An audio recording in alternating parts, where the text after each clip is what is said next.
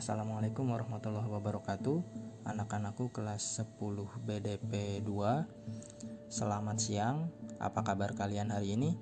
Bertemu lagi kita dalam materi podcast BDP Di podcast kali ini kita akan belajar mengenai materi pengembangan produk.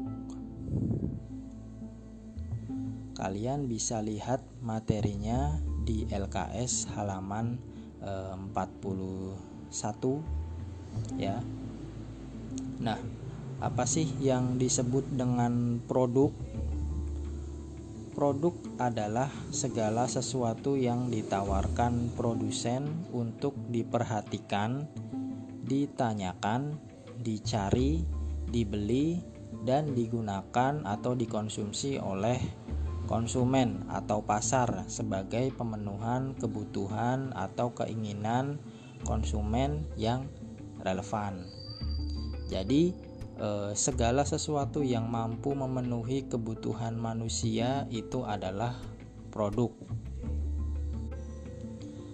Nah, produk juga dibedakan menjadi dua jenis. Ini ada dua jenis produk, yakni ada produk yang berwujud barang dan ada produk yang berwujud jasa. Kita bahas satu-satu mulai dari produk yang berwujud barang. Jadi, produk yang berwujud barang ini juga dipecah lagi menjadi beberapa klasifikasi. Yang pertama itu ada produk sehari-hari. Jadi produk sehari-hari ini adalah berbagai produk yang umumnya sering dibeli oleh kita para konsumen. Itu seperti roti, minuman kemasan atau mie instan. Itu yang biasanya sering kita beli sehari-hari. Itu namanya produk sehari-hari. Terus yang kedua itu ada produk shopping produk jenis ini itu jarang e, dibeli oleh kita para konsumen. Itu contohnya seperti baju e, celana jaket gitu. Itu adalah produk-produk shopping. Terus yang ketiga itu ada produk spesial. Jadi produk spesial ini e, adalah produk yang memiliki karakteristik atau identifikasi merek yang unik di mana para si konsumennya itu eh, dia bersedia untuk melakukan upaya khusus untuk membelinya. Ini eh, contohnya itu adalah kayak mobil, eh, motor itu adalah termasuk ke dalam produk-produk kategori spesial. Terus yang keempat itu ada produk yang tidak dicari atau unsought produk. Itu adalah produk yang e, umumnya tidak dikenal oleh konsumen atau bahkan jika mereka atau konsumen itu mengetahuinya belum tentu si konsumen itu akan tertarik untuk membeli.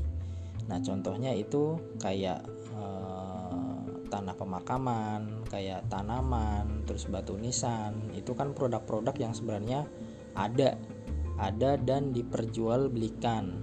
Namun hanya sebagian orang yang mengetahuinya. Pun kalau ada orang-orang yang tahu itu pun mereka e, mungkin gak ada niat untuk membelinya. Nah itu namanya produk yang tidak dicari atau unsought produk Nah, yang selanjutnya setelah produk berwujud barang, ini ada produk yang berwujud jasa. Ya. Produk berwujud jasa ini juga dipecah lagi menjadi beberapa klasifikasi. Nah, yang pertama itu adalah e, jasa perseorangan. Nah, itu contohnya kayak e, tukang cukur, kayak dokter, guru itu termasuk ke dalam e, jasa perseorangan. Terus yang kedua itu ada jasa tempat hiburan.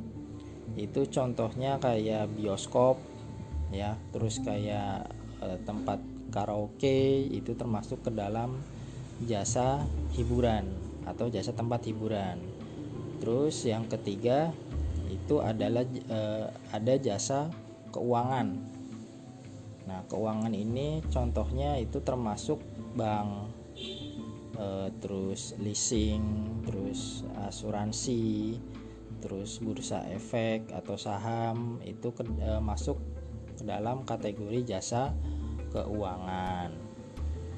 Terus ada jasa transportasi. Nah, itu yang sering kita jumpai sehari-hari. Itu contohnya ada Gojek, ada Grab, terus ada Transjakarta. Itu termasuk ke dalam jasa transportasi. Yang kelima itu ada jasa penginapan. Nah, ini contohnya adalah hotel. Itu e, termasuk ke dalam jasa penginapan. Jadi jasa e, produk berwujud jasa itu ada lima kategori ya. Yang pertama yang tadi perseorangan, tempat hiburan, keuangan, transportasi dan penginapan. Nah, itu kategori-kategori produk berwujud jasa.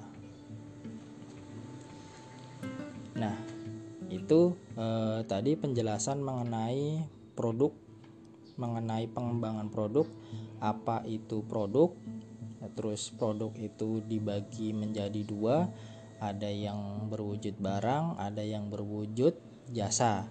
Silakan kalian eh, pelajari dan pahami.